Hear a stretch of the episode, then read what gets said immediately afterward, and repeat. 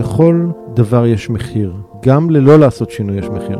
גם ללהישאר במקום יש מחיר, אני קורא לזה המחיר ההישארות במקום. מה המחיר של לקום בוקר בוקר ל... לעבודה או עיסוק שאתה לא אוהב? מה המחיר לקום בוקר בוקר במערכת יחסים שאתה לא אוהב? מה המחיר לקום בוקר בוקר ב... במצב גוף או בריאותי שאתה לא אוהב? יש לדברים האלה מחיר. כשאני מזהה את המחירים האלה של להישאר במקום שאני נמצא בו, זה, מח... זה מחיר מטורף. זה מחיר מטורף שאני לא מוכן לשאת אותו. נולדתם אלופים. יכול להיות ששכחתם את זה, אבל נולדתם אלופים. במהות שלכם כבני אדם. ושום תוצאה, ציון או לייק לא יוכלו לשנות את זה. אני איתן עזריה וזה הפודקאסט הביולוגיה של הווינרים, שבו תקבלו הצצה נדירה לעולמם המנטלי והרגשי של מספרי אחד בתחומם. ומפרק לפרק נחשוף מה נדרש כדי להפוך לבני אדם שלמים במסע להישגים, לווינרים, לא רק על סמך תוצאה או תחרות אחת, אלא במשחק החיים. אלופים מעצם היותכם, בדיוק כפי שנולדתם. ואם לרגע עברה בכם המחשבה שאתם עדיין לא מספיק מצליחים, אז תנו לי להזכיר לכם. הערך העצמי שלכם לא תלוי בתוצאות שלכם. מתחילים עכשיו.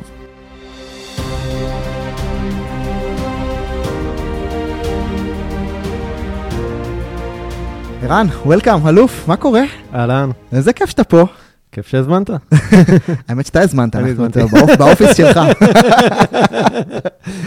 טוב, בוא, בוא, אנחנו, יש לנו, הז- הזמן קצר, המלאכה מרובה. קדימה. כולנו רוצים שינוי, מעט מאוד רוצים להשתנות. מעט מאוד, מעט מאוד מוכנים להשתנות. מה זאת אומרת?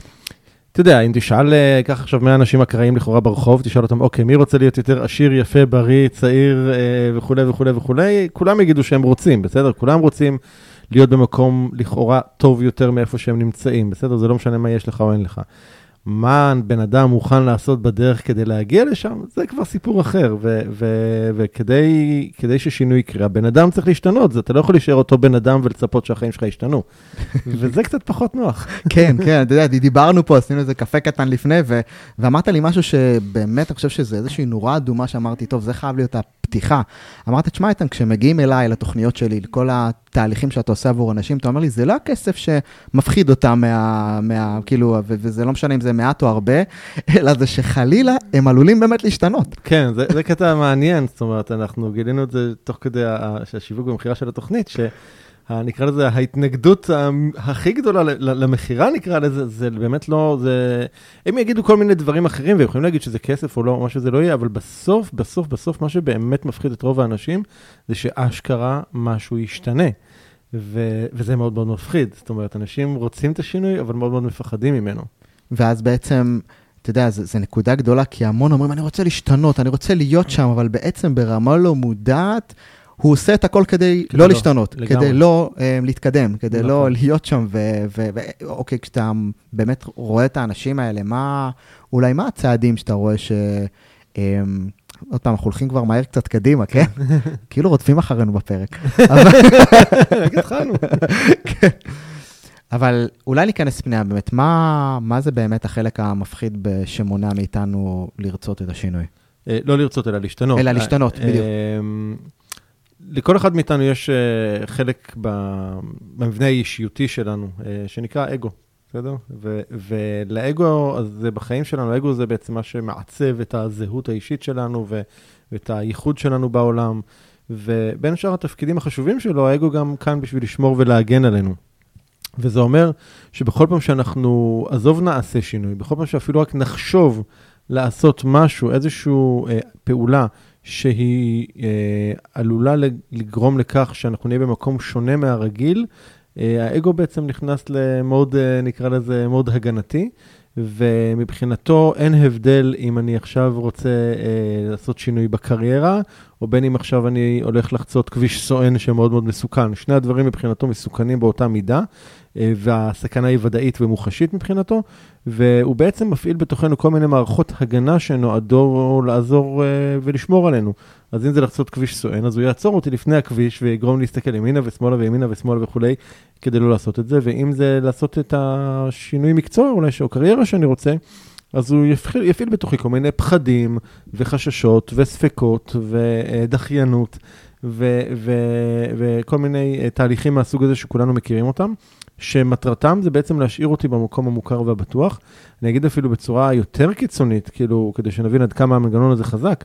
Uh, דמיין רגע סיטואציה מאוד קשה, נגיד, של אישה מוכה, שנמצאת בבית אלים, ובכל זאת היא בוחרת להישאר שמה. אה, כי האגו מבחינתו מעדיף את הוודאות של להישאר בבית בסיטואציה האיומה הזאת, לעומת חוסר הוודאות של מה יהיה כשאני אצא מהבית.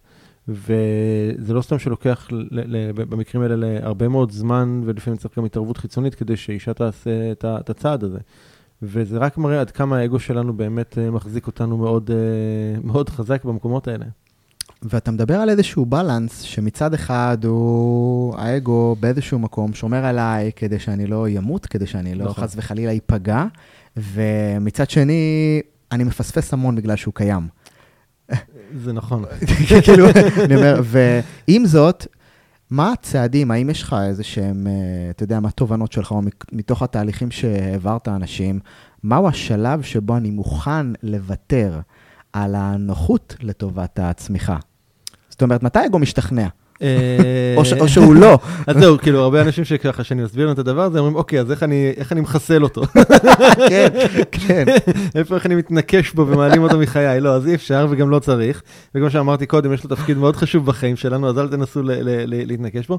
מה שאנחנו עושים בתהליכים עם אנשים, זה ליצור סוג של כמו דיאלוג, נקרא לזה, ביני לבין האגו שלי, בסדר? זה דיאלוג שנשמע אולי קצת אה, מוזר לאנשים, אבל לגמרי דיאלוג קיים. אני פשוט מנהל סוג של שיחה עם האגו שלי, ואני בשלב הראשון אני, אני בעצם נעזר בו כדי לזהות את כל הדברים שבאמת מפחידים, אוקיי? זאת אומרת, במקום אה, לנסות להתעלם מהפחדים שעוצרים אותנו, אלא בואו רגע נשים אותם מולנו, אנחנו ממש מושיבים אנשים לרשום בצורה ברורה, ואנחנו גם מקפידים שתהיה רשימה מאוד מאוד ארוכה של פחדים שיש להם, ואז אנחנו בעצם, בתהליך שאנחנו עושים, אנחנו יוצרים סוג של... Uh, אפשר לקרוא לזה אפילו חוזה, אוקיי? סוג של תהליך של משא ומתן מול האגו, כל אחד עושה מול האגו שלו, שיוצא בסוף עם סוג של חוזה של הסכמות ביני לבין האגו שלי. שאני אומר, אוקיי, אני, אני, אני מבין שעל מנת שאני אוכל להתקדם, אני צריך לוודא שא', ב' וג', ד' יתקיימו בחיים שלי. מה זה א', ב', ג' וד'? למשל, ש...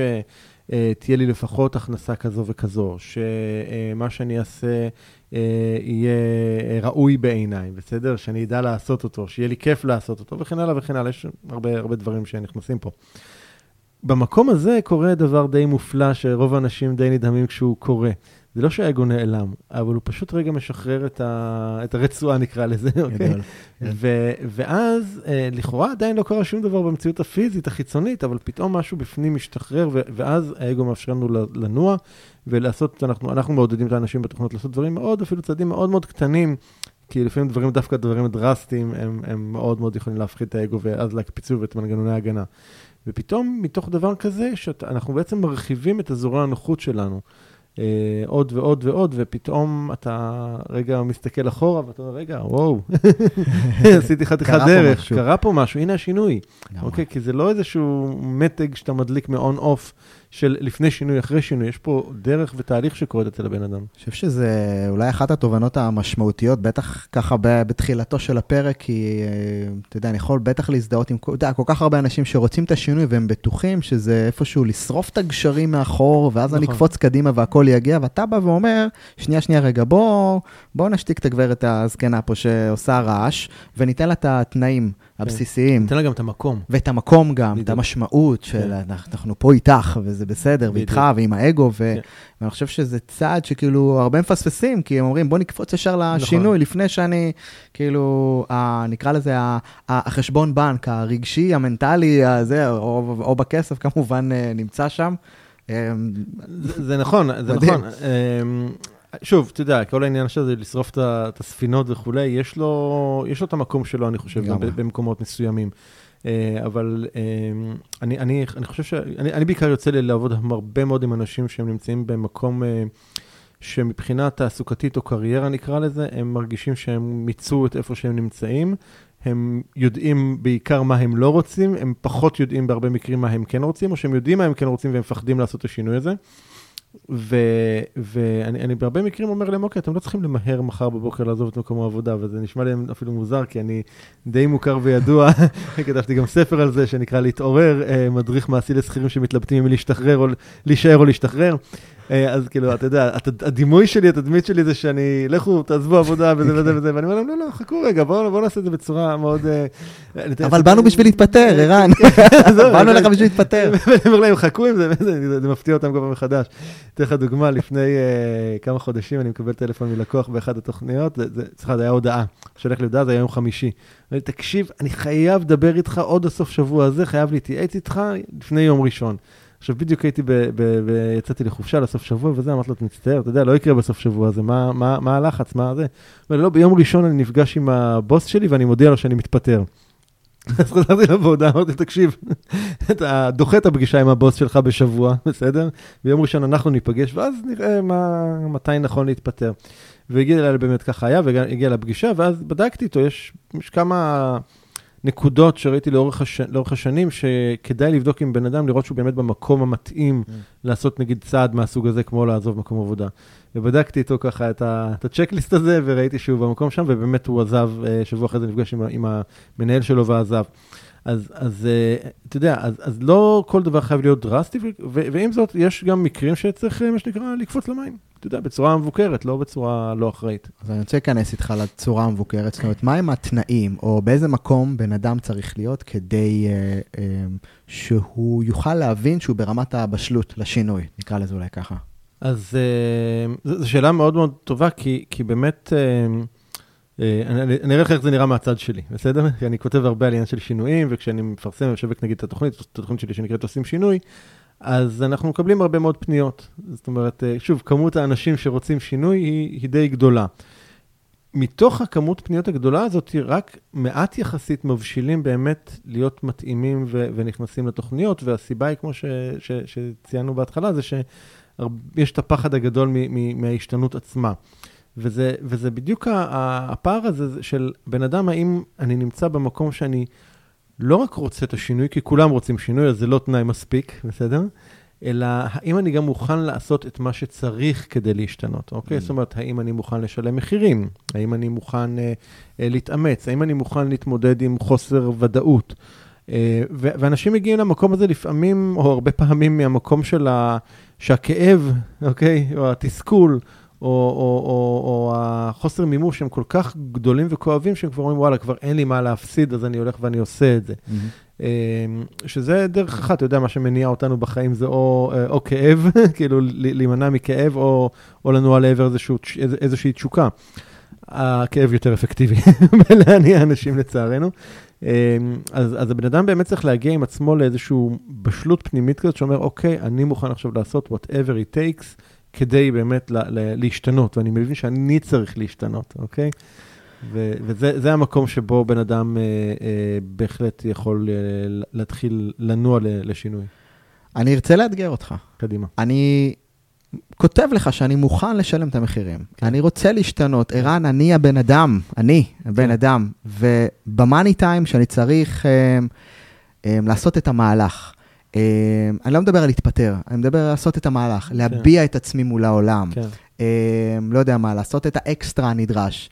ובסוף זה לא קורה, או בסוף אני עדיין עושה את הצעד לאחור, ואתה חווה את זה. מה אתה כ... באמת כמורה דרך של כל כך הרבה אנשים, עושה שם ברגעים האלה? כי בסוף זה ההבדל בין, ה... בין הרצון לביצוע, נכון. אתה קורא לזה התהליך. נכון. אז בוא ניתן לך דוגמה טריה מאתמול, אתמול והיום, בסדר? אחד, ה, אחד, ה, ממש עם אחד הלקוחות בתוכנית, תוכנית שנפתחה ממש לפני שלושה שבועות, קבוצה חדשה. והם מקבלים איזושהי משימה אה, שקשורה ל, ל, להגדיל את ההכנסות שלהם, אוקיי? הם צריכים לייצר כסף אה, כבר במהלך החודש הראשון בתוכנית, להגדיל את ההכנסות באיזושהי צורה. ו... ואותו לקוח עשה באמת איזושהי פעולות, פעולות, ולכאורה הוא כאילו אה, השיג, את ה... השיג את המשימה. אוקיי? אחרי בערך שבועיים, היה לו חודש לעשות את זה, אחרי שבועיים הוא השיג את המטרה, והוא דיווח על זה בקבוצת וואטסאפ, ואמר, השגתי ומחאו לו כפיים והכל סבבה. ואז שאלתי אותו, האם אתה מוכן שאני אאתגר אותך רגע? אז הוא אמר לי כן, ואמרתי לו, אוקיי, בוא תשים יעד חדש. זה שהשגת את היעד שאני שמתי לך, סבבה, מעולה, אבל בוא תשים לעצמך איזה יעד, יש לך עוד שבועיים, בוא תראה מה אתה עושה עם זה, תכניס עוד כסף, מה רע? ואז הוא התחיל לכתוב, אתה יודע, זה, זה, פה אני, אתה לא מבין את המצב שאני נמצא בו, יש לי עוד הרבה אה, אילוצים אחרים, יש הרבה דברים שקורים עוד בחיים שלי, טה-טה-טה-טה. ולכאורה זה בדיוק מה שאתה ככה מתאר, זאת אומרת, אני, כאילו, כרגע החיים נכנסים והם מפריעים וכל מיני דברים כאלה. ואמרתי לו, אוקיי, שים לב שאתה מניח, יש לך פה איזושהי הנחה, שליצור סכום נוסף ידרוש ממך את אותה עבודה או את אותו מאמץ mm.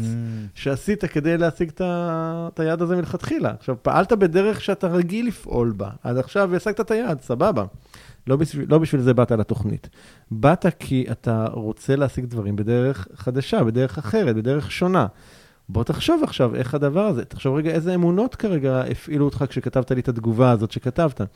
והיום בדרך, אני, כשאני נכנס לנסיעות ארוכות, זה דבר חדש שהתחלתי לעשות עם הלקוחות, אם יש לי נסיעה ארוכה, אני אומר להם, אוקיי, בין השעה הזאת לזאת אני פנוי, הנה הטלפון, מי שרוצה שיתקשר. מה, אתה יודע, כאילו כל הקודם זוכה, כל עוד לא תפוס, אני עונה לשיחה. והוא התקשר אליי.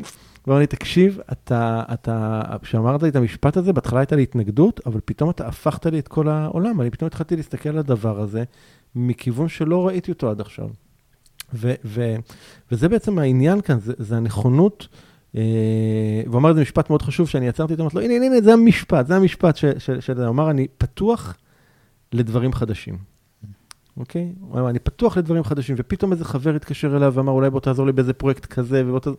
שיכול ליצור לו הכנסות בלי שהוא מתאמץ או עובד קשה או מזיע יותר מדי. וזה, וזה זה העניין של להיפתח לדברים חדשים, לרעיונות חדשים. ו- וזה, וזה, אני חושב, אחד הדברים שהכי קשה לאנשים איתם, כי, כי אנחנו מתוכנתים, אתה יודע, להאמין במה שהאמנו.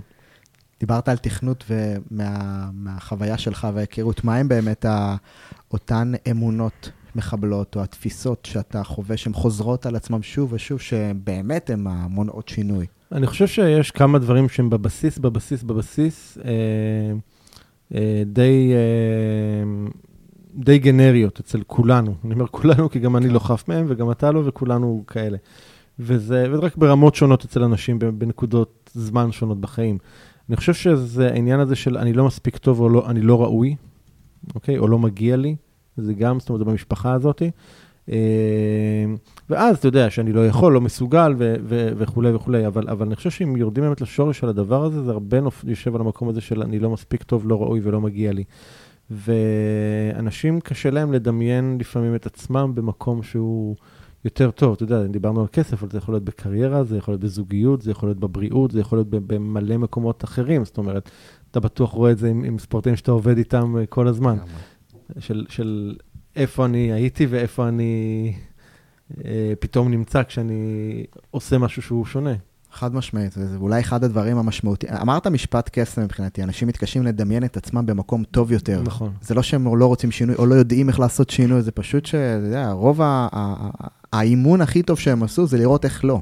או לראות את, ה... את הכישלונות שעברו ואיך אני רק אה, זהו, כאילו, this is it, this is, this is my life, סורי, קטעתי אותך. לא, לא, לא, בדיוק זה, אני, אתן, אני אתן פה דימוי מהעולמות שלך, כן, זה, זה איך אתה עולה למגרש, אתה עולה לנצח או אתה עולה לא, לא להפסיד. והרבה אנשים עולים לא להפסיד, הם משחקים הגנה. בסדר? הם משחקים הגנה בחיים שלהם. ואז זה אומר, הם שומרים על השער, זה הם כאילו שומרים רק לא לחטוף גול, ושכאילו, אתה יודע, שאני, אוקיי, אז שאני לא אפוטר ויהיה לי מספיק כאילו למה שאני צריך, ושהבריאות תהיה בסדר, ושהזוגיות לא תהיה רעה מדי, או כאילו... אתה יודע, הם לא, קשה להם לדמיין לפעמים שהם באמת יכולים להיות במקום אחר. והדבר המדהים זה שלא לא נדרש הרבה כדי, כדי לעשות תפנית מאוד מאוד מהותית בחיים, אתה יודע, זה, זה באמת לא זה, זה לפעמים העוצמה והמהירות של שינויים שקורים בחיים של אנשים וגם בחיים שלי, כן? זה, זה מפתיע אותי בכל פעם מחדש. אה, ופתאום אתה, אתה כאילו לא יכול... אה, אתה כבר לא יכול לחזור לאותו מקום. מממ. אתה יודע, יש משפט שאני מאוד אוהב, you cannot unsee what you've seen. כאילו, אתה לא יכול לא לראות... אין control, איך כן, control Z ב... אין control Z, בדיוק. בחיים. אין undo. כן. אתה לא יכול שלא לראות את מה שכבר ראית, זה עניין של תודעה שמתרחבת, בסדר? כאילו, אתה מגיע פתאום לאיזשהו מקום מסוים, אתה מציג את תוצאה מסוימת, נחזור רגע לדוגמה שנתתי כאן על אותו בחור, אם, אם הוא יעשה עכשיו איזשהו מהלך, שיכניס עכשיו אפילו, זה לא משנה אם זה שלושה שקלים, בסדר? שהגיעו אליו בלי שהוא אה, אה, עבד עבורם, כן? כי אנחנו עובדים איתם הרבה גם על יצירה של הכנסות פסיביות ודברים מהסוג הזה. או שהגיעו אליו בלי מה שהוא תופס כמאמץ, זה לא משנה הסכום של הכסף, זה החוויה שנוצרה בו וה, והדגימה שיש לו עכשיו במערכת שלו, שאומרת, רגע, אני יכול גם ליצור כסף שהוא לא, לא, לא ממאמץ. משהו בתוכי יודע שאפשרי לעשות כן. את זה בלי ה...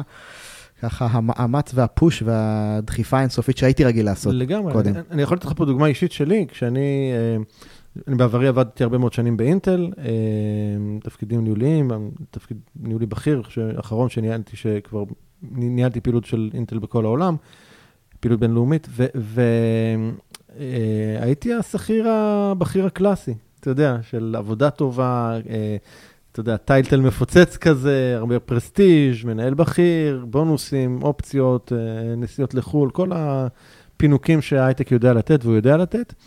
וכשנפתחתי לרעיון הזה של, של לצאת לעולם העצמאות, אז מה, מה הבנתי בעסקים? לא הבנתי כלום, בסדר? לא הבנתי בעסקים, לא הבנתי במכירות, מעולם לא עשיתי את זה, גם לא עסקתי בזה באינטל. ואז נחשפתי לעולם, אה, כחלק מה, מה, מה אתה יודע, החקירה שנחשפתי לעולם של, של השיווק הרשתי. והחלטתי שאני, שאני מצטר... עושה את זה, עוד, עוד במקביל להיותי שכיר באינטל. ופתאום, בתוך כמה חודשים, ראיתי שאני מצליח לייצר הכנסות שהן לא נובעות רק מעבודה ישירה שלי, שהן לא שמישהו אומר לי, תעשה פרויקט X או תעשה פרויקט Y, זאת אומרת, לא מישהו נותן לי את ההנחיות ולא מישהו מביא לי את העבודה, ולא שאף אחד מבטיח לי את המשכורת בסוף החודש. החוויה הזאת, אצלי פתאום נצרה בי איזשהו סוג של ביטחון כזה, שאמרה לי, אוקיי, אז... אוקיי, אז גם אם אני אהיה עצמאי ולא מובטח הכל, ואיזה מין, אתה יודע, עולם כזה של חוסר ודאות, העולם של העצמאים, אני, הנה, יש לי את היכולות שלי, אני אדע, אני אדע לייצר את ההכנסה הזאת. זה בסופו של דבר היה משהו מאוד משמעותי בתהליך שינוי שאני עברתי, שנתן לי את הביטחון באמת כמה חודשים אחר כך לעזוב. אה, לעזוב קריירה מאוד מאוד מצליחה, שכר מאוד מאוד טוב, כל הפינוקים, כל, ה, כל החבילה הזאת. אז זה, זה, זה סוג הדברים שבסוף באמת אה, יוצרים לנו את השינוי, זה, זה החוויות הצלחה האלה. מדהים, מדהים, מדהים. אני, אני, עולה לי איזשהו משהו תוך כדי שאתה שואל, כי אני, אני חושב על זה רגע, שאפילו אותו אדם שהצליח לייצר עוד את ה... עוד שלושה שקלים בלי מאמץ, כן? כן? ואני אומר, מה אתה עושה עם אותם אנשים שהרי זה כיף להם שהם אולי הרוויחו עוד כסף בלי מאמץ, אבל הם חיברו את החוויה של ההצלחה עם העבודה הקשה. כן, זאת אומרת, נכון. איך אתה מחבר את התחושה הזאת, ל, אתה יודע, לשינוי שקרה גם בלי מאמץ? זה ליצור חוויות חדשות, זה בדיוק זה. זה, זה, זה בדיוק מה שכיוונתי את אותו בחור, אמרתי לו, אוקיי, זה, ליצור במאמץ אתה יודע, בשביל זה אתה לא צריך אותי. בוא תחשוב איך אתה עכשיו עושה את זה בדרך שהיא לא עם מאמץ. עכשיו, אני יכול לתת לו כל מיני כיוונים, אתה יכול לעשות X, אתה יכול לעשות Y, אתה יכול לעשות Z, אבל זה לא אותו דבר כמו שאני שולח אותו ושהוא יחפש את הדרכים האלה. Mm-hmm. עכשיו, הוא רואה גם, כי, כי בגלל שזה גם בקבוצה לא גדולה, אבל עדיין, עדיין זו קבוצה, הם מקבלים פתאום השראה ורעיונות אחד מהשני. פתאום אחד עושה איזשהו מהלך והשני אומר, וואי, כאילו, זה גם, זה גם אפשרי עבורי. אתה יודע, יש, יש, יש כל מיני, ההשראה ההדדית פה מאוד מאוד עוזרת. לגמרי, לגמרי, לגמרי. דיברת על, דיברת על שינויים, דיברת על זה, אבל אתה, אם נסתכל, דיברת על אינטל, על השינוי המטורף שעשית משכיר לעצמאי מאוד מצליח, והקמת כן. חברות ואתה עושה דברים גדולים. אה, עברת גם אה, לפני שנתיים, קודם כל אתה בריא וטוב לנו, עברת מחלה, כן. אה, פתאום ככה מהחיים, אתה יכול שאתה, כאילו זה, מה, מה? אז בערך לפני שנתיים, אתה מתעורר בוקר בהיר, כן. ומקבל על עצמך את התווית הזאת של חולה סרטן. אני אומר את התווית הזאת, כי היום אתה יודע, אני מדבר איתך ואני אומר כאן חולה סרטן, אני, אני, כשזה היה, היה לי מאוד מאוד קשה להגות את צמד המילים האלה ביחד. אה, קראתי לזה מחלה, קראתי לזה גידול, המילה סרטן אה, נמנעתי מלהשתמש בה, כי היא מביאה איתה מטען מאוד מאוד מסוים. ואין מה לומר, הימים הראשונים הם שוק. הם כאילו, אתה יודע, מה, מאיפה זה בא, אתה יודע, אני בן אדם בריא, אני אוכל בריא, אני מקפיד, אתה יודע, עושה ספורט, הכל, מאיפה זה הגיע, כן? אה, זה, זה סוג של שוק וגם מן הסתם פחד, כי בעיקר החוסר ודאות. אתה עוד לא יודע בדיוק מה, זה, מה יש לך, אתה עוד לא יודע מה הטיפול, אתה עוד לא מבין את ההשלכות של הטיפול, אתה לא יודע כמה זמן, אתה, אתה, אתה בעיקר לא יודע. אה, אז, אז הימים הראשונים הם מאוד מאוד מטלטלים אה, מהבחינה הזאת ומאוד מאוד מפחידים. Uh, ההמשך שכבר אתה, יש איזשהו, כבר הבחנה ברורה יותר, ויש כבר איזשהו מסגרת טיפולית שאתה יודע שאתה הולך אליה, את המשמעויות, זה כבר יותר uh, הופך להיות, לפחות אצלי זה הפך להיות יותר תפעולי כזה נקרא לזה. והצלחתי באמת לשמור על שגרה יחסית uh, נורמלית, עד ברמה שבאמת לא מעט, רק מעט מאוד אנשים בסביבה שלי ידעו שאני עובר את זה. מתוך אגב החלטה מודעת ובחירה מאוד מודעת שלא לשתף יותר מדי אנשים בסביבה. אה, מהמקום שהבנתי שהמאזן האנרגטי שלי זה הדבר אה, הכי, הכי קריטי פה, ולא רציתי שיהיה במרחב שלי שום בן אדם שמחזיק בתוכו דאגה או פחד כלפיי. Hmm. אוקיי? Okay? לא רצית שזה ייכנס למרחב בכלל. לא רציתי שזה ייכנס למרחב שלי, אז באמת כל בן אדם ששקלתי או בחרתי לשתף איתו, השאלה שלי הייתה, זה איזה סוג אנרגיה אני עומד לקבל, והאם זה אנרגיה שתתמוך בי או אנרגיה שתוריד אותי.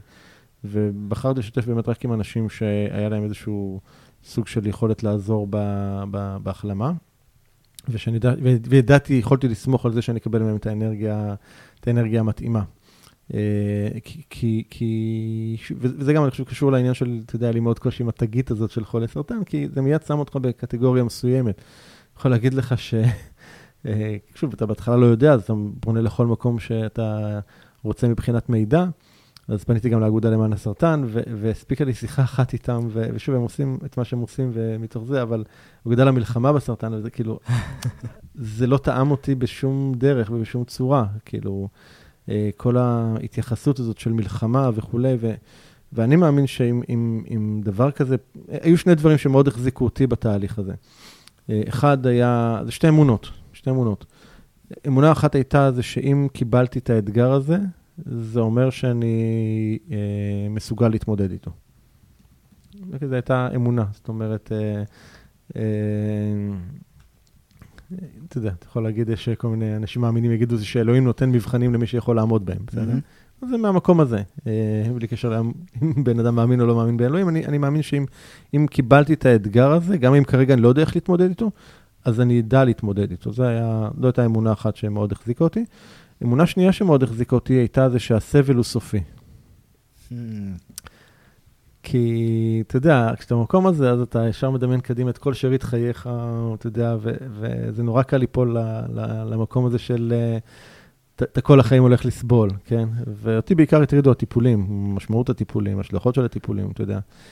ו- ושתי האמונות האלה מאוד אה, עזרו, החזיקו אותי בתוך, ה, בתוך התהליך של, ה, של ההחלמה. ואתה שם עושה את הטיפולים, הקרנות, ואתה, תודה לאל, בריא ונקי, ואנחנו עושים פרק ביחד והכל נהדר, ודיברת על זה שדווקא המקום הזה הניע אותך לשאול את השאלות המהותיות. כן, כי כמו, כמו שאמרתי קודם, אני, אני לא מאמין שאתה פוגש דבר כזה סתם, אוקיי? אמ, והאמת היא שכש... אחרי שהחלמתי, אז, אז התחלתי לפחד יותר. ממה? עוד יותר מה, מהמחלה עצמה. אה, ממה? כי הייתי בתחושה שעוד לא הבנתי למה. למה זה קרה. אוקיי? ואם לא הבנתי למה, אז אני לא רוצה לקבל פה מועד ב', בסדר? זה הייתה, זה, זה, מפה היה הפחד. וזה הוביל אותי באמת לסוג של תהליך uh, עמוק מאוד של חקירה עצמי ושל טיפולים ושל, שעד היום אני עוד נמצא בהם, בתהליך הזה, זה לא נגמר, של באמת לשאול את השאלות המהותיות, ו- ו- ואני בעצם התחלתי להסתכל על כל החיים שלי ולהפוך שם את כל האבנים, לא להשאיר אבן על אבן. זה אומר כל תחום בחיים, uh, להתחיל לשאול לגביו שאלות ו- ולבחון את הדברים, ואם זה נכון לי ואם זה לא נכון לי. ו- וכן הלאה, ו- ו- וזה הוביל אותי ל... אתה יודע, בסוף זה גם מוביל לכל מיני תהליכים שקרו ו- ושינויים שקרו, אבל זה מתחיל באמת מהשאלות של מה אני באמת רוצה, מה באמת נכון לי, מה באמת טוב לי בחיים, למה אני עושה את הדברים. אוקיי, למה אני נשאר פה, למה אני עושה ככה, האם זה בגלל ש... אם, האם היום, היום הייתי בוחר לעשות, בוא נגיד, נשאל את זה אחרת, האם אם עכשיו הייתה לי את היכולת לבחור אם לעשות את זה או לא לעשות את זה, מחדש, בסדר? בלי mm-hmm. משמעויות ובלי השלכות. האם הייתי עושה את זה? ולא תמיד התשובה הייתה מוחלטת שכן.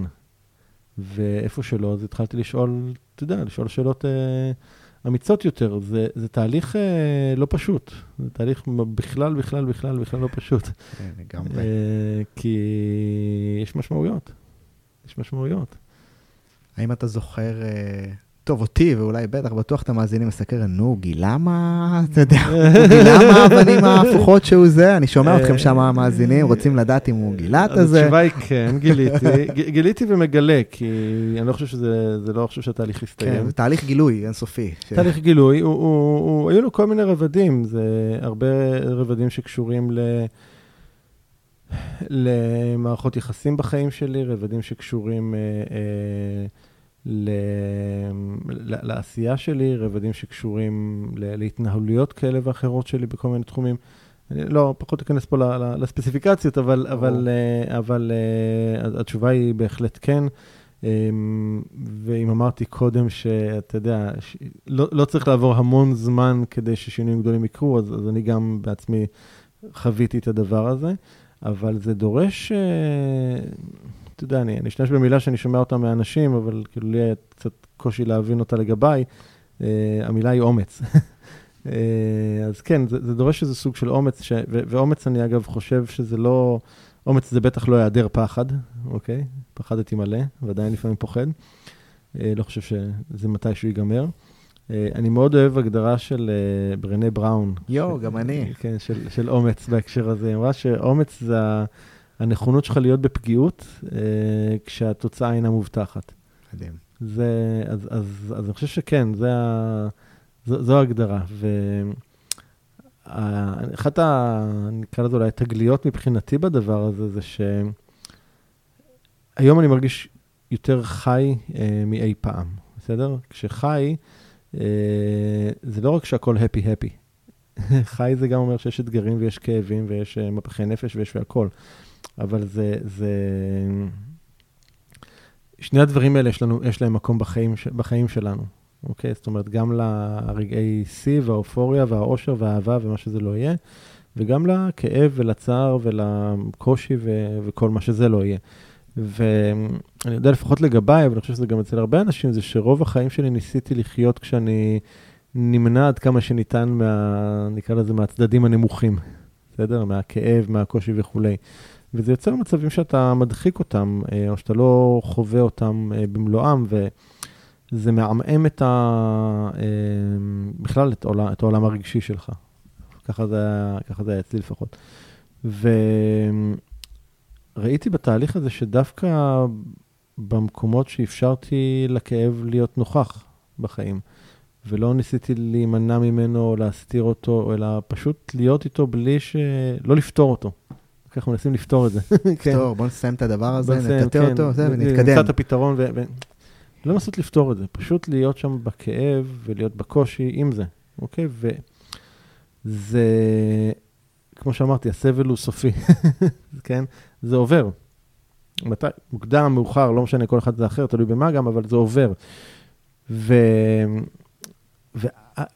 וכשזה עובר, אנחנו כבר לא אותו בן אדם שהיינו קודם, בסדר? אנחנו לא... היכולת שלנו לשאת או להכיל כאב היא אחרת, בסדר? זה לגמרי כמו ללכת לחדר כושר ולהתאמן, בסדר? זה לגמרי כמו להתאמן במגרש. זה, אתה, אתה פשוט מתאמן בזה, וכשאתה מתאמן בזה, אתה יכול להכיל יותר מזה, ואז פעם הבאה שאתה פוגש את זה, זה כבר לא כל כך מטלטל או משתק אותך. והחדשות הפחות טובות זה שזה יפגוש אותך. כן, כן, בסוף תקבל את הרצפט, לא יעזור מהחיים. בדיוק. אמ, איך מתאמנים על uh, להכיל את הכאב הזה ולתת לו מקום. אמ, אין לי פה איזושהי נוסחה טובה לזה, חוץ מאשר... אה, משהו שלך. לא? פשוט לי, פשוט, אה, אני חושב שמה שלי, אני זוכר כאילו, זה משהו שבהתחלה היה נורא קשה להבין אותו, המטפלת שלי כל הזמן הייתה אומרת לי את זה, והיה לי קשה להבין אותו, לתפוס אותו. אני שאלתי אותה, מה אני עושה עם זה? היא אמרה, אתה לא צריך לעשות כלום. מה זאת אומרת? היא אמרה לי, תהיה עם זה. תני לי את ה checklist. בדיוק, אתה יודע, אני מאוד משימתי ומאוד doing כזה, ותביא לי את הפתרונות, אני מחפש את הפתרונות, מה עושים? היא אמרה לי, לא עושים. ואני מסתכל, כאילו, מה זאת אומרת לא עושים? זה נורא כואב. אני משלם לך כדי שתגידי לי מה עושים. כן. תהיה עם זה. ואני, לקח לי זמן להבין מה זה התהיה עם זה, זה כאילו, זה פאקינג כואב, מה זה mm. תהיה עם זה.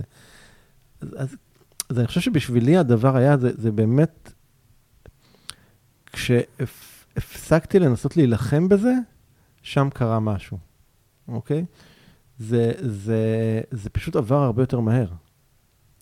אצלי לפחות, כן? זה פשוט עבר יותר מהר, אני חושב. אה, הייתי בזה, זה כאב נורא, זה לקח את הזמן, אבל פתאום, פתאום אתה אומר, רגע, זה, הנה משהו, משהו זז. אוקיי? זה כבר פחות כואב מאתמול, ו- וזה כבר פחות כואב משלשום, ופתאום הזמן עובר, ופתאום זה כבר לא כואב אולי, או שזה לא מעסיק אותי כל היום, כי, אתה, מבין? זה משהו משתנה, אה, אבל זה נורא מפחיד להיות במקום הזה, אנחנו, אנחנו מבועטים לפעמים מלהיות אה, במקום הזה, ו... ואני חושב שככל שאפשרתי לעצמי להיות במקומות האלה, אז, אז באמת אה, משהו בי השתנה. זה, זה, אתה יודע, אני, אני שומע אותך וככה רצות לי 400 שאלות נוספות בראש, ו, ואני אני שמח שאנחנו נשארים בציר של השינוי, כי אנחנו יכולים עכשיו לעשות גם 30 כן. שעות פודקאסט, וזה, וזה, וזה יהיה מעניין, מרתק, ו, ואני ככה, קודם כל, זה, אני חושב שאין דבר טוב יותר מלשמוע, ובטח לקבל את החוויה האמיתית ממישהו שחווה את הכאבים, את הקשיים, ומה שמדהים זה שלא חווית את ה... את ה את ה... אה, 2019, את, ה, את המחלה, מ, מ, זאת אומרת, מ-nowhere או מאיזשהו מקום נמוך. היית כבר במקום שעשית דברים, נכון. היית על במות, ליווית אלפי אנשים, אה, תוכניות מוצלחות, כל, באמת, דברים שאתה נוגע בהם, הם עובדים באמת לטובה, וכאילו, כאילו, העולם עושה לך הפוך, כאילו, דווקא בשיא ההצלחה, בוא נאתגר אותך עוד קצת, כאילו, אם, לא, אם חשבת ש, נכון. שזה כאילו לא, לא קורה, אז כאילו, בוא, נעשה לך את זה שמה, בפיק הזה. ואני אני, אני כאילו מנסה ככה לחשוב איתך, אמ, אז איפה יותר המשקל בשינוי?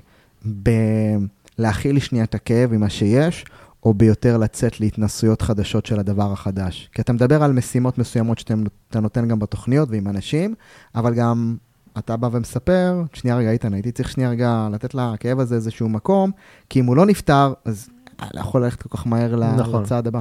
אני, זה, זה, בסוף זה שילוב. אחד הדברים שאנחנו גם, כאילו, אני אומר לאנשים בתחילת הדרך, ש, שאני מלווה אותם, זה שאני מצפה שלאורך הדרך הם גם ייכשלו. אוקיי, עכשיו, זה, זה לא יישמע מוזר ממישהו שאתה יודע שהרבה מאוד שנים היה מזוהה עם הנה, הנוסחות להצלחה, כן? אז מה זאת אומרת שייכשלו? אה, יש, יש תכלס אשכרה משימות, תוך כדי שאנחנו נותנים להם, שאנחנו יודעים שבחלקן הם, הם ייכשלו. הם לא, הם לא יצליחו. וזה מגיע מאותו מקום, גם דיברנו על כאב, זה היכולת להכיל כישלון, זה היכולת להכיל חוסר הצלחה, זה היכולת להכיל את הפער ציפיות הזה של מה שרציתי למה שקרה בפועל. שגם מזה אנחנו מאוד כבני אדם מאוד נמנעים, ואז אנחנו כל כך נמנעים שאנחנו מפחדים לנסות, ואז אנחנו לא עושים, אז אנחנו גם לא נכשלים, אתה מבין? ואתה יודע, שוב, נלך לעולם שלך, מייקל ג'ורדן זה, הדבר הקלאסי, כן? כלה הכי הרבה, איך קוראים לה הזריקה הקובעת הזאתי? נראה לי הזריקה הזריקה הקובעת. הקובעת. כן, כנראה. שם מבריק, זריקה קובעת. הקובעת.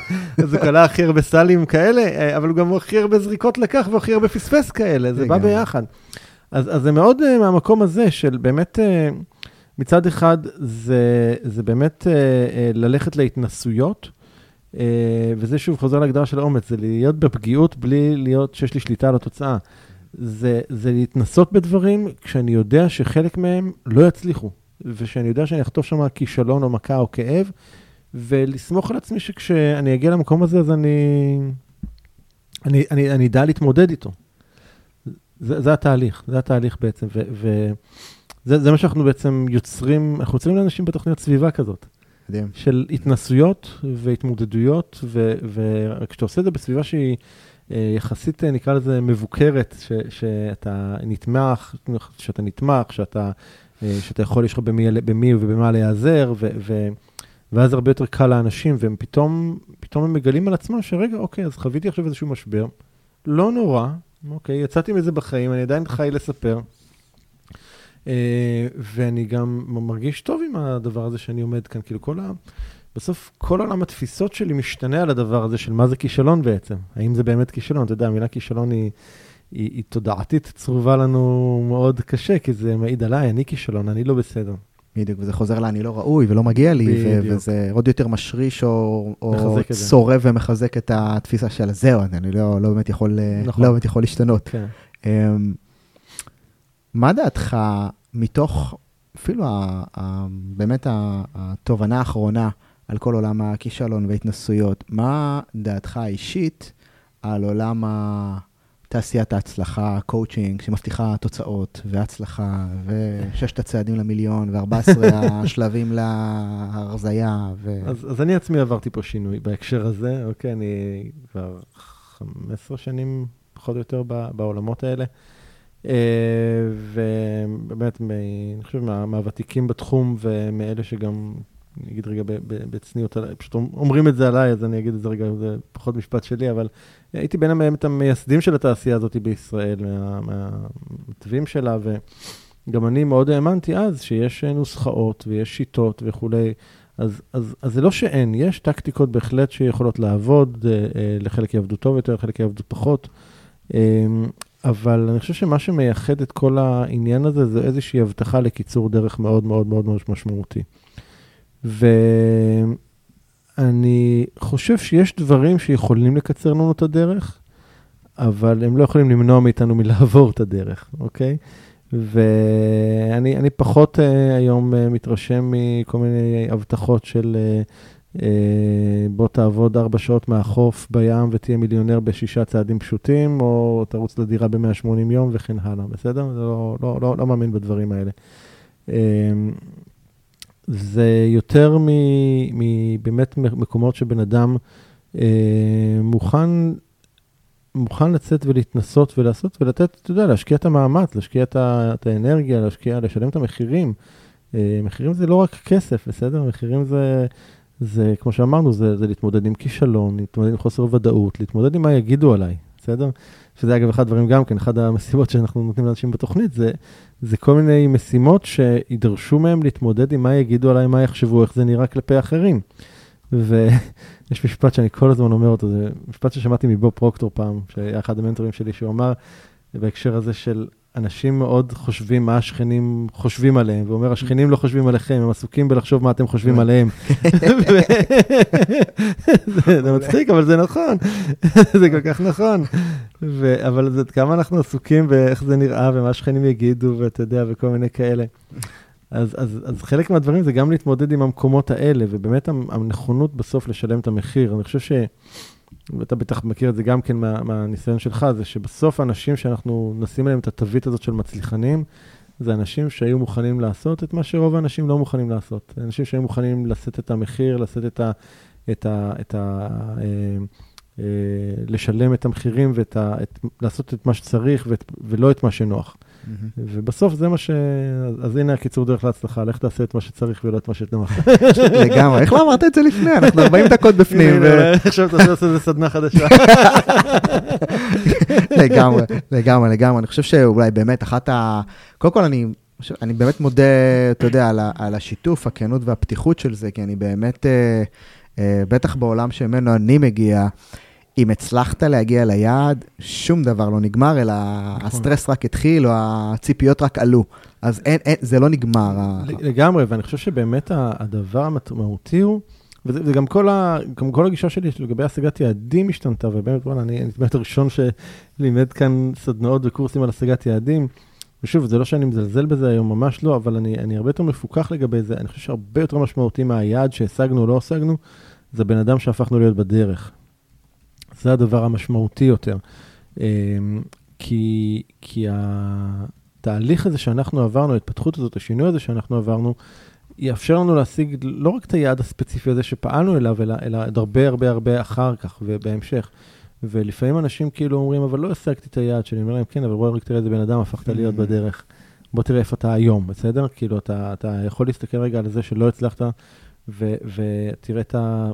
את השינוי שעברת, ותראה את ההתפתחות שעשית, ותראה את היכולת שלך עכשיו להכיל את הכאב שזה שלא השגת את היעד הזה. זה, זה דברים מאוד מאוד משמעותיים, לא פחות בעיניי מלהשיג את היעד כזה או יעד אחר.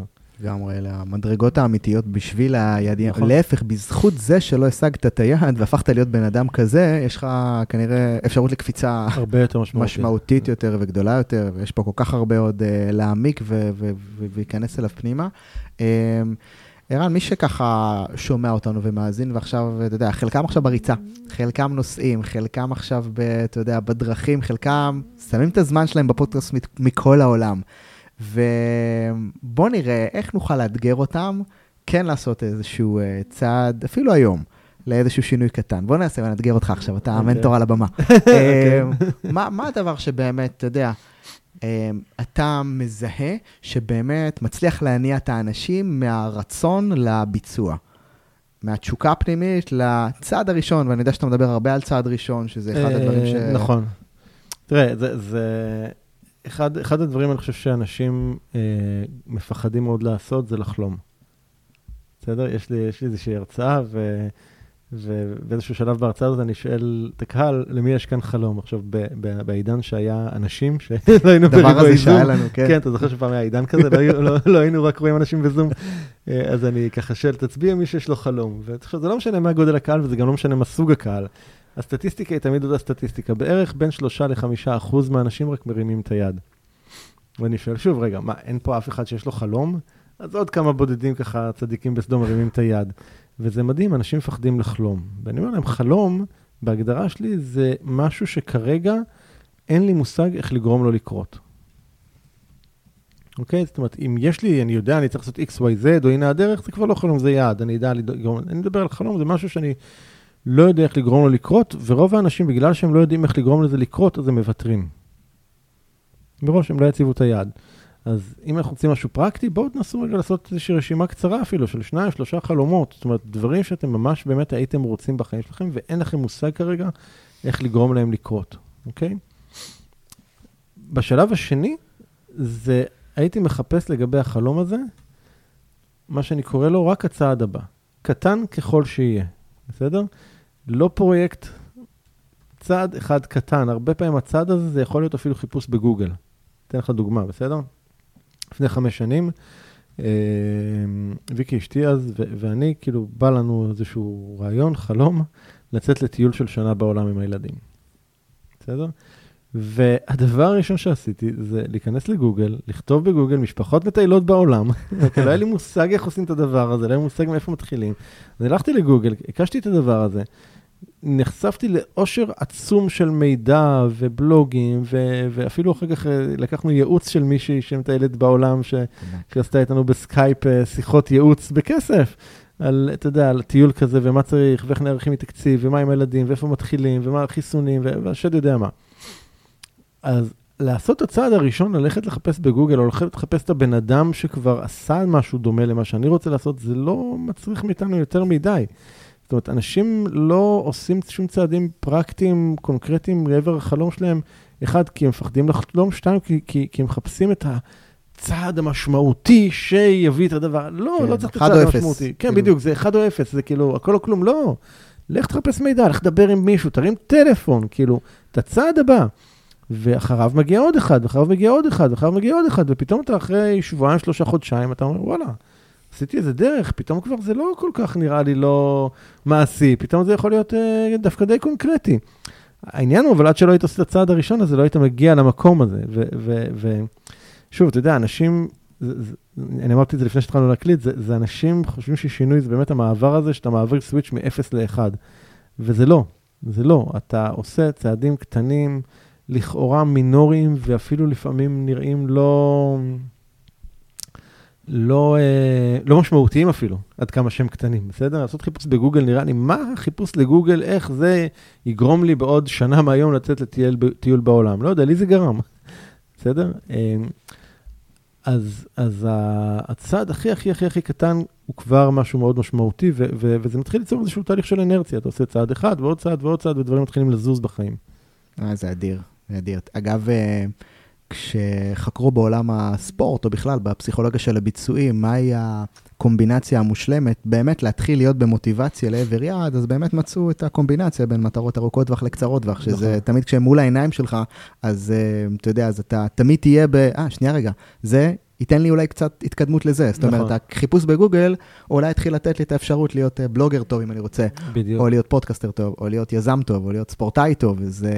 אני, אני, זה הקטע, אנחנו לא באמת יודעים. בדיוק. אנחנו לא באמת יודעים, זה, זה מאוד... אבל זה אני- מניע. זה מניע.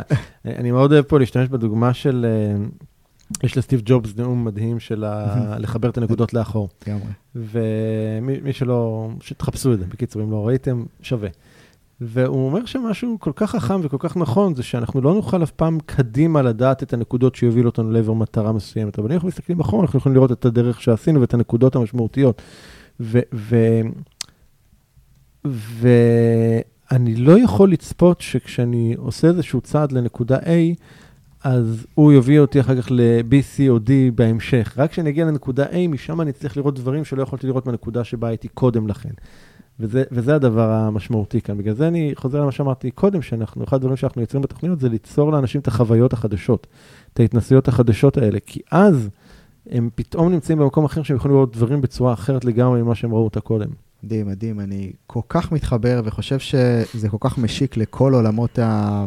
אתה יודע, גם עולמות הפרפורמנס ב- ב- בספורט ובטח בעסקים, שאגב, הספר זרימה, אתה מכיר אותו, כן. אה, מדברים שם על אה, לייצר מחקר של החוויה.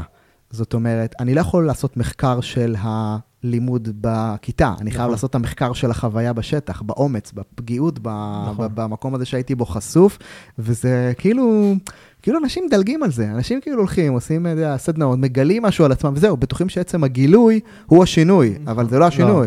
השינוי הוא הביצוע, היישום של זה. היישום של השינוי, נכון. והיישום בשטח הוא כביכול, ואני שמח שאתה אומר את זה, כי זה כל כך... כאילו פקטור שזה נכון, השינוי, הזרע הראשון מתחיל בראש, תודעתית, זה קורה נכון. שם, אבל הוא לא יסתיים בראש. לא, לא, הוא חייב לרדת לקרקע. הוא חייב לרדת לקרקע, אם הוא לא יורד לקרקע אין צ'אנס, כי אתה כן. לא יכול לחקור אה, תכנון, אתה יכול לחקור ביצוע רק, נכון. אפרופו. לא, זה כמו שאתה יודע, יש, אה, איך כוורת אמרו, אתה לא יכול ללמוד שחייה בהתכתבות. כן? בדיוק, כן. זה כמו שאני יודע, אני יכול לכתוב ספר נפלא על איך לרכב על אופניים. בסדר? אבל אין שום סיכוי בעולם שאתה תצליח להבין מה זה שיווי משקל אם לא תעלה על אופניים. אני יכול להגיד לך, אתה עולה לאופניים, אתה שם את הידיים על הכידון, אתה מחזיק חזק, אתה שם את הרגליים על הפדלים, ואתה מדווש, והכי חשוב, לשמור על שיווי משקל. הנה, הנה ספר רב-מכר לדעתי. רב-מכר, כן. נכון? אין סיכוי שבעולם שאתה תדע לרכב על אופניים עכשיו מהתיאור הזה שלי, כאילו כמה שלא קראתי ותיארתי אותו לפרטי פרטים. אתה צריך לעלות על אופניים, ואתה כנראה בדרך ללמוד שיווי משקל, לא מכיר בן אדם שלבד שיווי משקל אופניים בלי שהוא נפל כמה פעמים. מדהים, אין מדהים, סיכוי, מדהים. אין סיכוי. אז אני חושב שאולי אם uh, דיברת על uh, נקודה מספר אחת, זה בעצם uh, לחשוב על אולי רשימת חלומות קטנה, שתיים, שלוש חלומות, ואז ללכת על הצעד הבא, קטן ככל קטן, שיהיה. הכי קטן. אני חושב שאולי המקום הזה, זה הצעדים הקטנים, זה בעצם האיסוף חוויות, או איסוף התנסויות, נכון. שהם המתנה שדרכה אפשר להשתנות. ב- ואמרת משהו לפני שהקלטנו, איך כל הדברים הטובים לפני שהם מקליטים? תמיד ככה. כן. אבל אנחנו, אני מרגיש שאנחנו לא מפספסים שום דבר מהלפני, שדיברת על זה שעצם ההתנסויות הקטנות שהן כביכול נראות מינוריות, אפסיות, פתאום אתה מתעורר אחרי שבוע, שבועיים, ואתה אומר, בואנה, אני... איזה דרך עשיתי. איזה דרך, יואו, תראה מה קורה נכון. איתי. תראה מה זה, תראה מה נהיה. ובדיעבד אנחנו תמיד יודעים, כי סיפרת על מה הנקודות לאחור אה, עושות לנו. כן. אז אולי שאלה לסיום. אני רק אגיד אה, משהו על הדבר הזה, סתם, ממש לפני שעה, לפני שעה לפני שנפגשנו. אמ, אה, כתבתי למטפלת שלי, כאילו איזה, הזכרתי לה, פשוט זה תאריך של קורה בעוד איזה שבועיים, ואמרתי לה, את זוכרת מה קרה בתאריך הזה לפני שבועיים? אמרה לי, לא, מה קרה? ושלחתי לה איזו התכתבות שהייתה בינינו, מאוד משמעותית שהייתה בינינו בתאריך הזה. זה היה בשבילי איזה שיקוף מטורף, לראות את הדרך שקרתה בשנה הזאת. זאת אומרת, איפה הייתי אז, ואני קראתי את ה... קראתי את זה בוואטסאפ, הלכתי לראות את ה... לפני שבועיים או שנתיים? לא, לפני שנה. אה, לפני שנה. כאילו, עוד אוקיי. שבועיים זה היום שנה של אותו תאריך. אוקיי. הלכתי לאותו, להתקלות בוואטסאפ, ראיתי באיזה מקום... היית. הייתי. ואיפה אני היום. וזה כאילו, זה דיסוננס מטורף, ואתה מסתכל, זה בדיוק על להסתכל אחורה ולהגיד, וואו, אני לא מאמין, כאילו, איזה דרך עשיתי. מטורף. הרסת לי את השאלה האחרונה. לא, למה? כי השאלה האחרונה שלי זה מה הנקודות לאחור סיפרו לך על החיים שלך. אז בוא mm. נלך לא שנה, בוא נלך עשר שנים. בוא נלך על אה, ערן, השכיר באינטל. אוקיי, זה קצת יותר מעשר שנים, אנחנו הולכים פה 15-20 בוא נלך אפילו 15-20 שנה, כאילו, מה אם אתה עכשיו לוקח, אתה יודע, gut feeling, מה שיעלה, יעלה. אז אם אני חושב הנקודות המשמעותיות, אני חושב שהייתה אה, עבורי נקודה משמעותית באינטל, אם ככה נתחיל בה. זה בערך אחרי שנתיים שהייתי באינטל, שקיבלתי בעצם הזדמנות ניהולית ראשונה. אה, מי שהיה מנהל של הקבוצה אה, עזב, הביאו לו מנהל מחליף, אבל הוא, יכול היה להתחיל רק שלושה חודשים קדימה, זאת אומרת לא מיידית, ובעצם מנהל המחלקה אמר לי, בוא תהיה ה acting, כאילו המנהל המחליף לשלושה חודשים של הקבוצה. עכשיו, אני בלי שום ניסיון ניהולי, גם בצבא לא הייתי שום, אתה יודע, מ"כ או קצין או משהו כזה. ובעצם כולה, אתה יודע, בוגר אוניברסיטה, שנתיים אחרי האוניברסיטה, אתה יודע, זה, אתה יודע, חלב עוד על השפתיים, ואומרים לך, בוא, בוא תהיה מנהל. ואני לא הבנתי, אז ברגע שהוא הציע לי את זה, לא הבנתי מה הוא רואה בי בכלל. לא, לא הבנתי את הקטע הזה, וזה מקום טוב להוקיר אותו על זה, דני.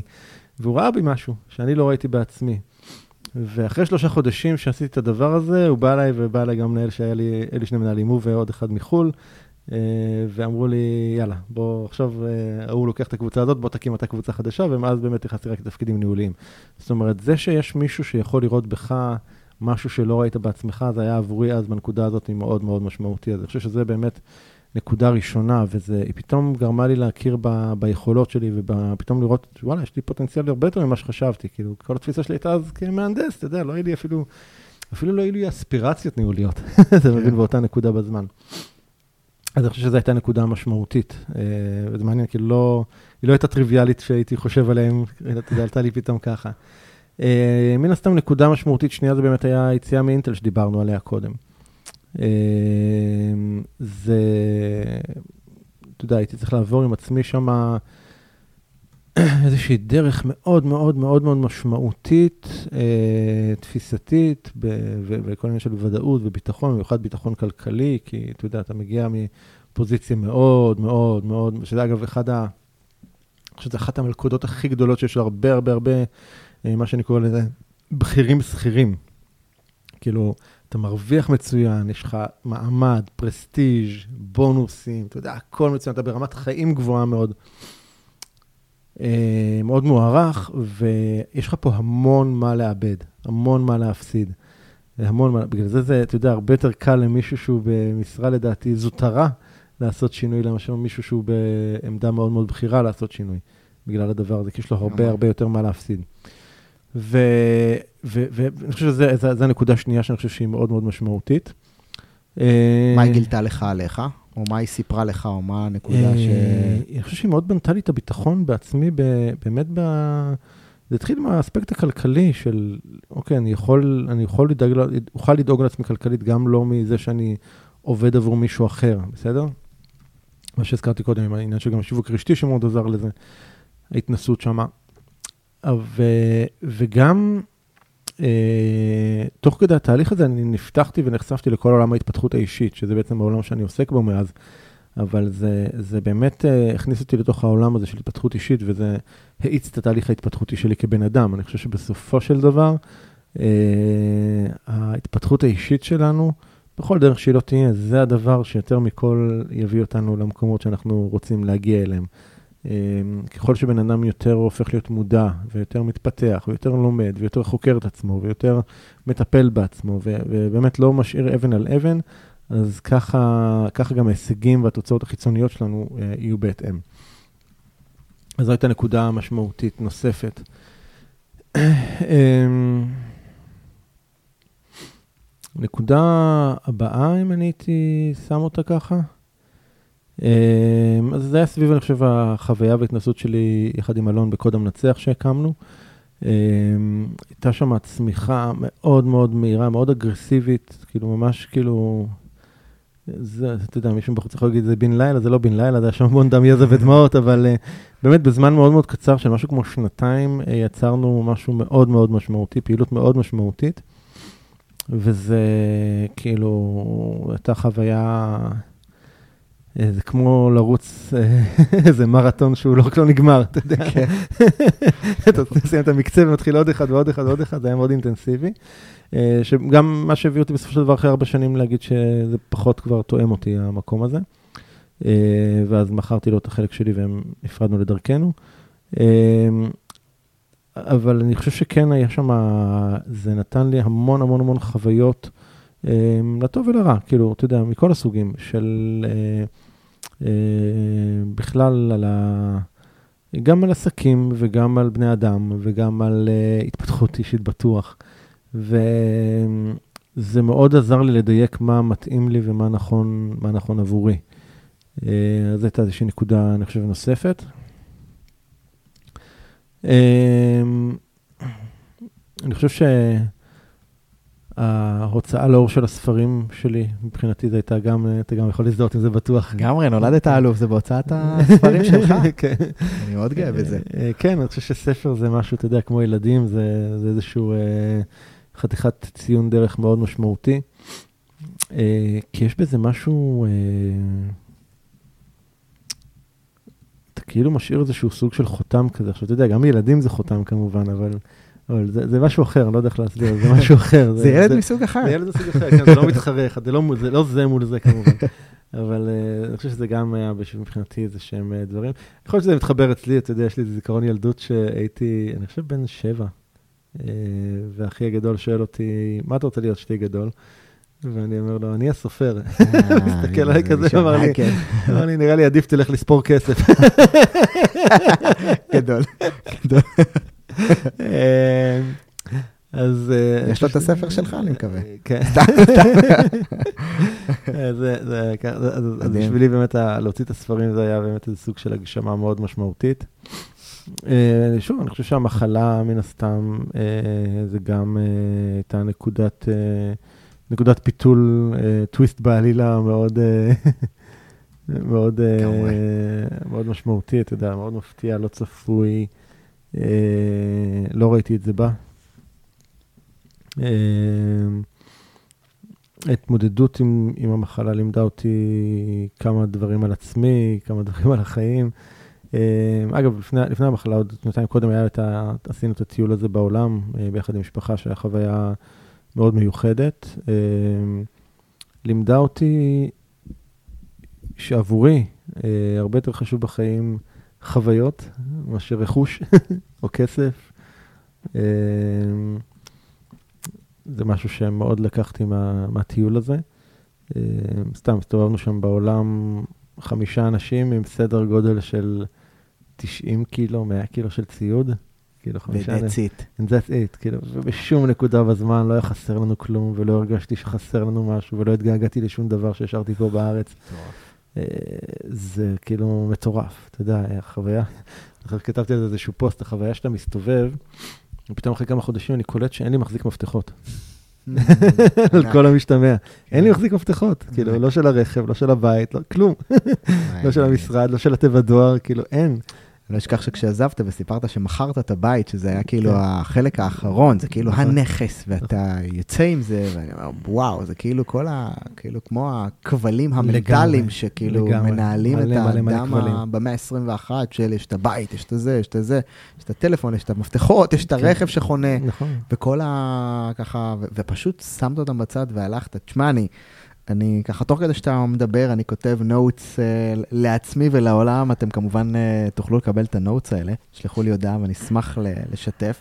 שמע, בכל נקודת חיים, ממהנדס למנהל בכיר, אז כאילו מישהו ראה בך משהו שאתה לא ראית והלכת נכון. על זה, וזה עבד. זאת אומרת, אומץ, קפיצה למים וזה שם. היציאה מאינטל, כן, זה האמונה שאני אוכל לדאוג לעצמי גם אם מישהו אחר לא דואג לי כלכלית בקטע הזה. הקוד המנצח שהקמתם ובשיאו, בהתפתחותו, בכל שלב שזה לא יהיה, לא התאים לך, זזת. זאת אומרת, יש משהו מדהים ביכולת שלך, באמת, כאילו אתה, אתה קופץ אחרי השינויים ההכרחיים ואתה לא מפחד להעיז. כן. אפילו שאתה לא. מת על המהלך הזה. אפילו שאתה לא מת על ה... על ההגדרה.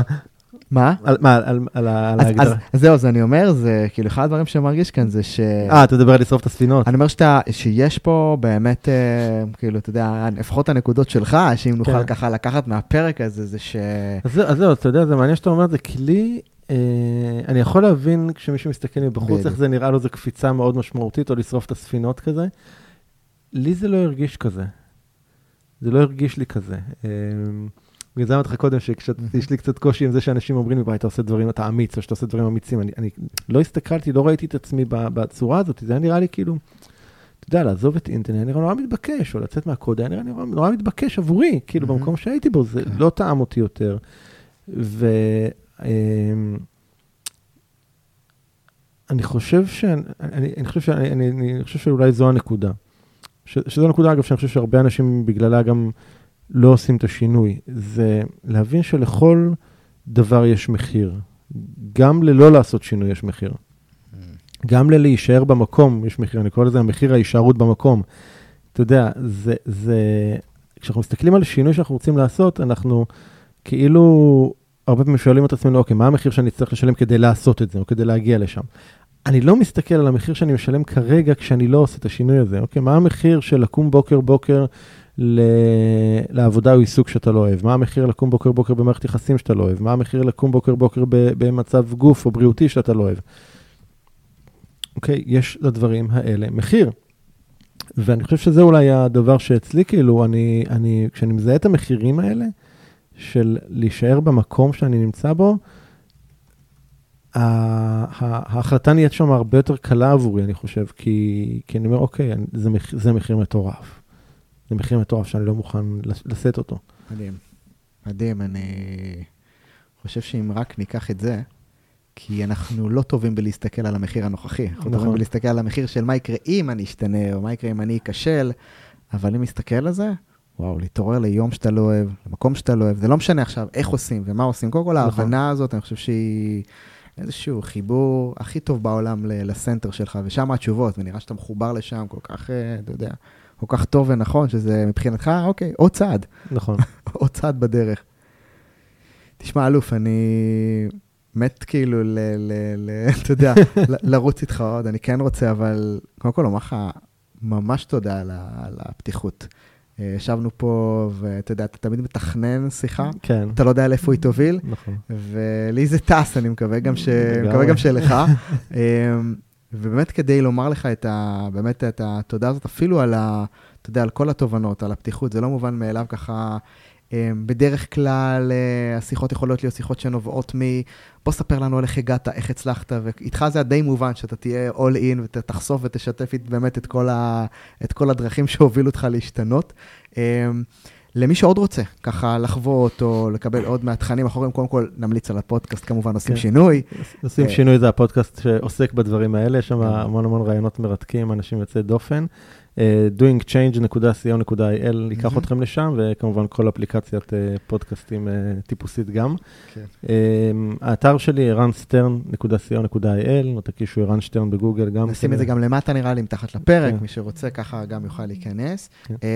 אני יודע שהתוכנית שלך לא מפורסמת יותר מדי. כן, פשוט, כן, התוכנית עושים שינוי, היא באמת תוכנית שהיא לא, אתה יודע, זה לא איזושהי תוכנית של מסות או המונית, אנחנו עובדים שם בקבוצות מאוד קטנות בליווי אישי שלי ושל הצוות.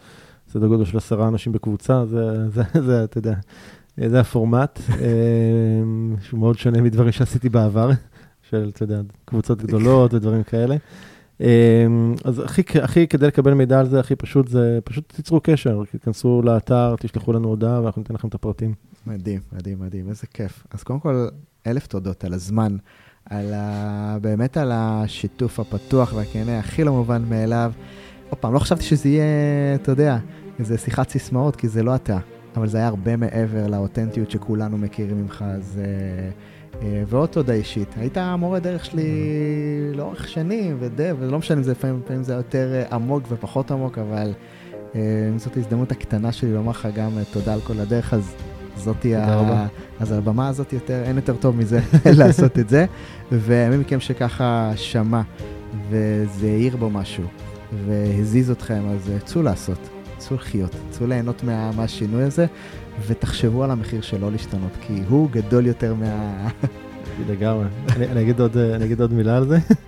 אמ, לפני, חצי שנה קצת יותר, הלכתי עם הבן שלי ועקענו ביחד אה, קעקוע. די, כן. יש לך קעקוע, על זה נגיד לא הייתי מאמין. בדיוק. אוקיי? גם אני אוקיי. לא. ועשינו קעקוע ביחד, אותו קעקוע, והם לא רואים פה בשידור, אבל זה, זה סוג של שעון חול מסוים. כש, כשהמהות שלו זה להזכיר שאין עבר ועתיד לא כרגע ברור ולא ידוע, אז מה שיש זה רק עכשיו. אז אם אתם רוצים להשתנות זה עכשיו, זה לא יום אחד, זה לא מתישהו, זה עכשיו. אדיר, אדיר, אדיר. ערן, אלף תודות. תודה רבה. אלופים, כיף שנהנתם, מקווה שנהנתם. נתראה בפרק הבא, עד אז תעשו חיים. צ'או אלופים. חכו שנייה לפני שאתם הולכים. את מדריכי האימון המנטלי החינמים שלי כבר הורדתם? אם עדיין לא עשיתם את זה, אני כבר מספר לכם איך ואיפה. אבל לפני הכל, תודה שהאזנתם לעוד פרק בפודקאסט הביולוגיה של הווינרים. אם אהבתם את הפרק, דרגו אותו באייטונס, שתפו את הפרק עם החברים שלכם, שההצלחה שלהם חשובה לכם. ובכך תפעילו את גלגל הנתינה, שבו מי שנותן יותר לאחר, מקבל יותר מהעולם. אז עכשיו תורי לתת לכם. באתר שלי מחכה לכם עמוד שלם עם מדריכי אימון מנטלי חינמים מעולים בשבילכם, ביניהם הישג בלתי רגיל, מיני קורס בין ארבעה שיעורי וידאו ואודיו להישגים יומיים בלתי רגילים באמצעות פיתוח הערכה עצמית מנצחת. פרקים מתנה מהספרים שלי, הדרכות לשיפור ביצועים לספורטאים, הורים ומאמנים, וכל זה במתנה ממני אליכם. אז כנסו לאתר שלי בכתובת איתנעזריה.co.il, קו אלכסוני פרי, זה הולך ככה, e-i-t-a-n-a-z-a-r-i-a.co.il, קו אלכסוני פרי, F-R-E-E, ושם תורידו את מדריכי האימון שלכם, ואני כבר שם, מחכה לכם עם כל מה שאתם צריכים לדעת כדי להגיע להישגים ובו זמנית לפתח זהות מנצחת של אלופים. אז היכנסו לאתר שלי בכתובת איתנעזריה.co.il, קו אלכסוני פרי, ואני כבר מחכה לכם שם. עד אז, נתראה בפרק הבא. צ'או.